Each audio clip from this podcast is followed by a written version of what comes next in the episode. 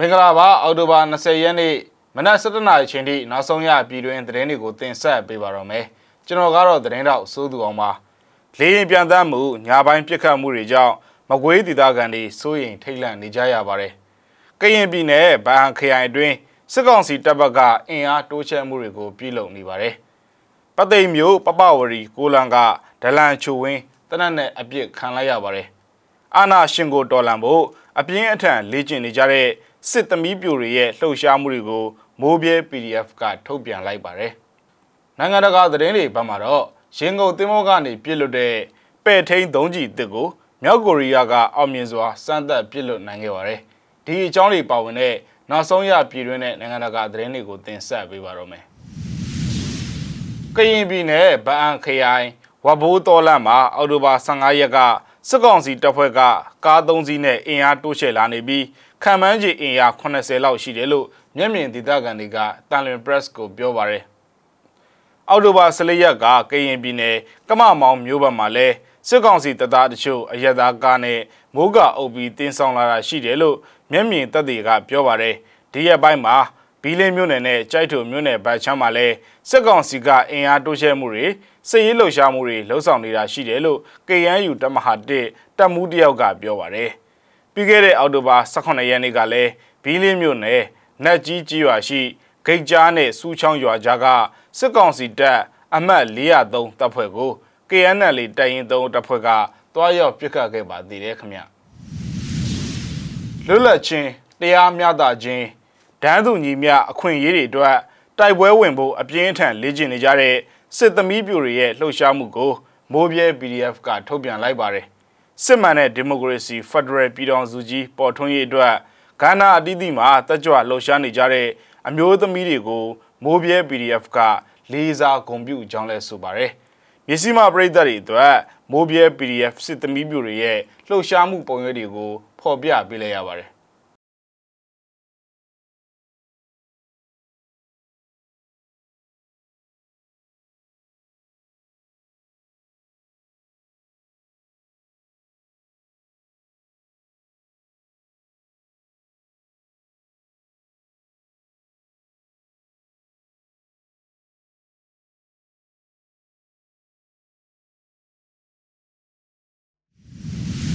အေယာဝတီတန်းဒေသကြီးပသိမ်မြို့အမှတ်9ရပ်ကွက်ပပဝရီကိုလာမှာနေတဲ့ဒလန်ချိုဝင်းစုသူကိုပသိမ်မြို့ပြပျောက်ကြားတပ်ဖွဲ့ကဒီကနေ့အောက်တိုဘာ20ရက်မနက်9နာရီခွဲလောက်မှာတနက်နဲ့ပစ်ခတ်ပြီးရှင်းလင်းခဲ့တယ်လို့ PSTF တာဝန်ရှိတဲ့လူတယောက်ကမျက်စိမှောက်ကိုပြောပါရယ်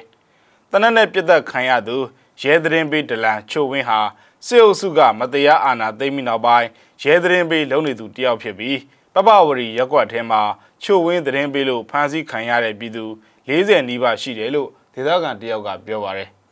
ပပဝရီထဲမှာချိုဝင်းကြောင့်အဖမ်းခံရသူတွေမနေဘူးဗျစစ်ကောင်စီအလို့ကြသတင်းပေးနေတဲ့သူမို့လို့ချိုဝင်းကိုစောင့်ကြည့်နေတာ၄-၅ရက်လောက်ရှိပြီဒီကနေ့မနက်အမှတ်9ရက်ကွက်ထဲကဘူဒါဈေးကိုသွားတဲ့အချိန်ဈေးထဲမှာပြစ်ခဲ့တာနှစ်ချက်ပြစ်ခဲ့တာဆိုတော့သေဖို့များတယ်လို့ PSDF တပ်ဖွဲ့ဝင်တယောက်ကလည်းပြောပါတယ်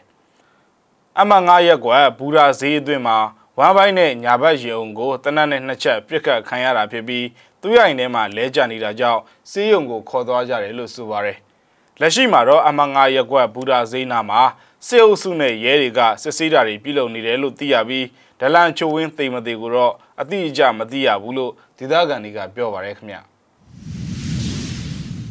မကွေးလေတပ်စခန်းကတိုက်လေရင်တွေညစဉ်ဇက်တိုက်ပြန်တန်းနေတဲ့အပြင် မကွေးမျိုးပေါ်ကရက်ကွက်တချို့မှာလည်းည7:00နာရီအချိန်မှာစစ်ကောင်စီတပ်ကတနက်တွေနဲ့ပစ်ခတ်မှုတွေရှိနေတဲ့အတွက်ဒေသခံတွေကစိုးရိမ်ထိတ်လန့်နေကြရပါတယ်။မကွေးမျိုးနွားကူးကြီးရွာကအသက်40လောက်ရှိတဲ့ဒေသခံက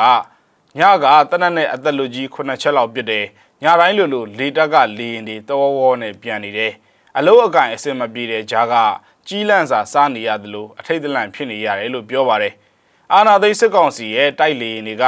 မိုးတဲထန်စွာရွာသွန်းတဲ့ညတွေကလွဲလို့ညစဉ်ပြန်သားမှုတွေပြုလုပ်နေပြီးမကြာခဏတနက်တွေနဲ့ပြစ်ခတ်မှုတွေလည်းရှိနေတာကြောင့်ပြည်သူတွေအနေနဲ့စိုးရိမ်ထိတ်လန့်နေကြရတယ်လို့ဒေသခံတွေကပြောလာတာပါ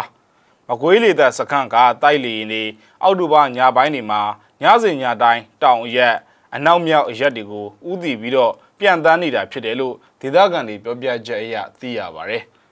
ဒါအပြင်မှာမကွေးမြို့အဝင်အထွက်ပြုလုပ်ရတဲ့စစ်ဆေးရေးဂိတ်တွေမှာလည်း COVID-19 ကာကွယ်ဆေးထိုးပြီးသူတွေသာဆေးထိုးပြီးကြောင်းထောက်ခံစာနဲ့ဝင်ထွက်သွားလာခွင့်ရတယ်လို့ဒေသခံတွေကပြောပါတယ်။အဆိုပါစစ်ဆေးရေးဂိတ်တွေမှာလုံခြုံရေးယူထားတဲ့စစ်ကောင်စီတပ်သားတွေရဲ့ရှေ့မှာစိုင်ကယ်တွေကိုတွန်းပြီးတော့ဝင်ထွက်သွားလာနေရတယ်လို့လည်းသိရပါတယ်ခင်ဗျာဆက်လက်ပြီးတော့နိုင်ငံတကာသတင်းတွေဘက်ကိုလည်းတွားရအောင်ပါလက်နက်စနစ်ပို့ပြီးတိုးသက်ကောင်းမွန်ရေးဖော်ဆောင်နေတဲ့ နျူကလ িয়ার လက်နက်ပိုင်းမြောက်ကိုရီးယားဟာရင်ကုန်သင်္ဘောကပြစ်လွတ်တဲ့ပဲ့ထိန်ဒုံးကျည်တစ်ကိုအောင်မြင်စွာစမ်းသပ်ပြစ်လွတ်ခဲ့ကြောင်းနိုင်ငံပိုင်မီဒီယာမှာဗုဒ္ဓဦးနေ့ကထုတ်ပြန်ပါတယ်ဒီပြစ်လွတ်မှုဟာခင်မီတဲ့ထိန်းချုပ်ပဲ့ထိန်နီးစနစ်မှာများစွာခြေလန်းရောက်ရှိတာဖြစ်တယ်လို့ KCNA သတင်းကဆိုပါတယ်။မြောက်ကိုရီးယားအနေနဲ့လွန်ခဲ့တဲ့9နှစ်က ရင်ကုန်သမောကနေပြစ်လွတ်တဲ့ပဲ့ထိန်ဒုံးကြီး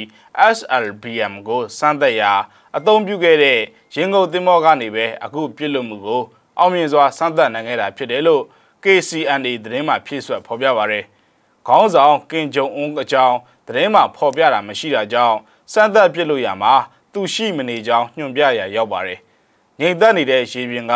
အဖြူနဲ့အမဲအယောင်ရှိဒုံးကြီးထိုးထွက်လာပြီးမီးဒန်းနဲ့မီးကုတ်ငွေတွေထွက်နေပုံကို သတင်းစာရဲ့ဓာတ်ပုံတွေမှာမြင်တွေ့ရပါတယ်။ဒါအပြင်မှာရင်ကုန်သင်းပေါ်ရေပေါ်တက်လာတာကိုလည်းအဲ့ဒီသတင်းစာဓာတ်ပုံတွေမှာဖော်ပြပါတယ်။အခုဓာတ်ပုံတွေကဒုံးကြီးဟာပြီးခဲ့တဲ့သတင်းပတ်ကာကွယ်ရေးပြပွဲမှာပြသခဲ့တဲ့မြောက်ကိုရီးယားရဲ့ဒုံးကြီးတွေတဲကတစ်ခုဖြစ်နိုင်တယ်လို့သူ့သေးတီတွေကပြောပါတယ်။လက်ယုံအင်အားကိုပြသနိုင်တဲ့အသစ်ပြစ်လွတ်မှုပါပဲ။ရင်ကုန်သင်းမောကနေပြစ်လွတ်တာအရင်ကမစမ်းသပ်ဘူးတာကြောင့်ပထမဦးဆုံးစမ်းသပ်မှုဖြစ်တယ်လို့ နိုင်ငံတကာငြိမ်းချမ်းရေးဆိုင်ရာပညာရှင်အဖွဲ့မှအန်ကစ်ပန်ဒါကပြောပါတယ်။ဒါပေမဲ့အခုဒုံးကြီးတစ်ကိုလည်းတခြားဒုံးကြီးတွေမှာသုံးတဲ့ပြစ်လွတ်စင်ကနေလွတ်တင်တာဖြစ်ပြီးပြစ်လွတ်မှုနည်းပညာဖွံ့ဖြိုးနေပြီဆိုတော့စိတ်ချယုံကြည်လို့မရသေးကြောင်းသူက Twitter မှာရေးပါတယ်။အခုတပ်သေးပြလာတဲ့ရင်ကုန်သင်းဘောကဒုံးကြီးပြစ်လွတ်နိုင်စွမ်းကြောင်းမြောက်ကိုရီးယားရဲ့စစ်လက်နက်အင်အားဟာအဆင့်သစ်ကိုရောက်ရှိလာတာပဲဖြစ်ပါတယ်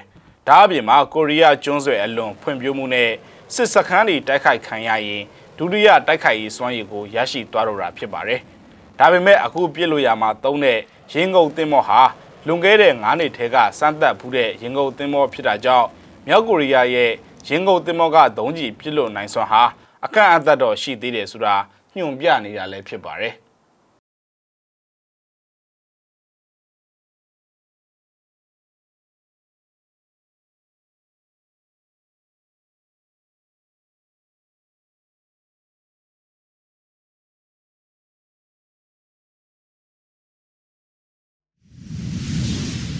မြစီမ TV ရဲ့သတင်းအစီအစဉ်ကိုဒီမှာခဏရင်နာကြပါရယ်ကြည့်ရှုခဲ့တဲ့မိဘပြည်သူတူးချင်းစီကိုကျေးဇူးအထူးပဲတင်ရှိပါရယ်ကျွန်တော်တို့သတင်းနဲ့အတူတူပြန်ဆောင်ကြပါဦးမယ်။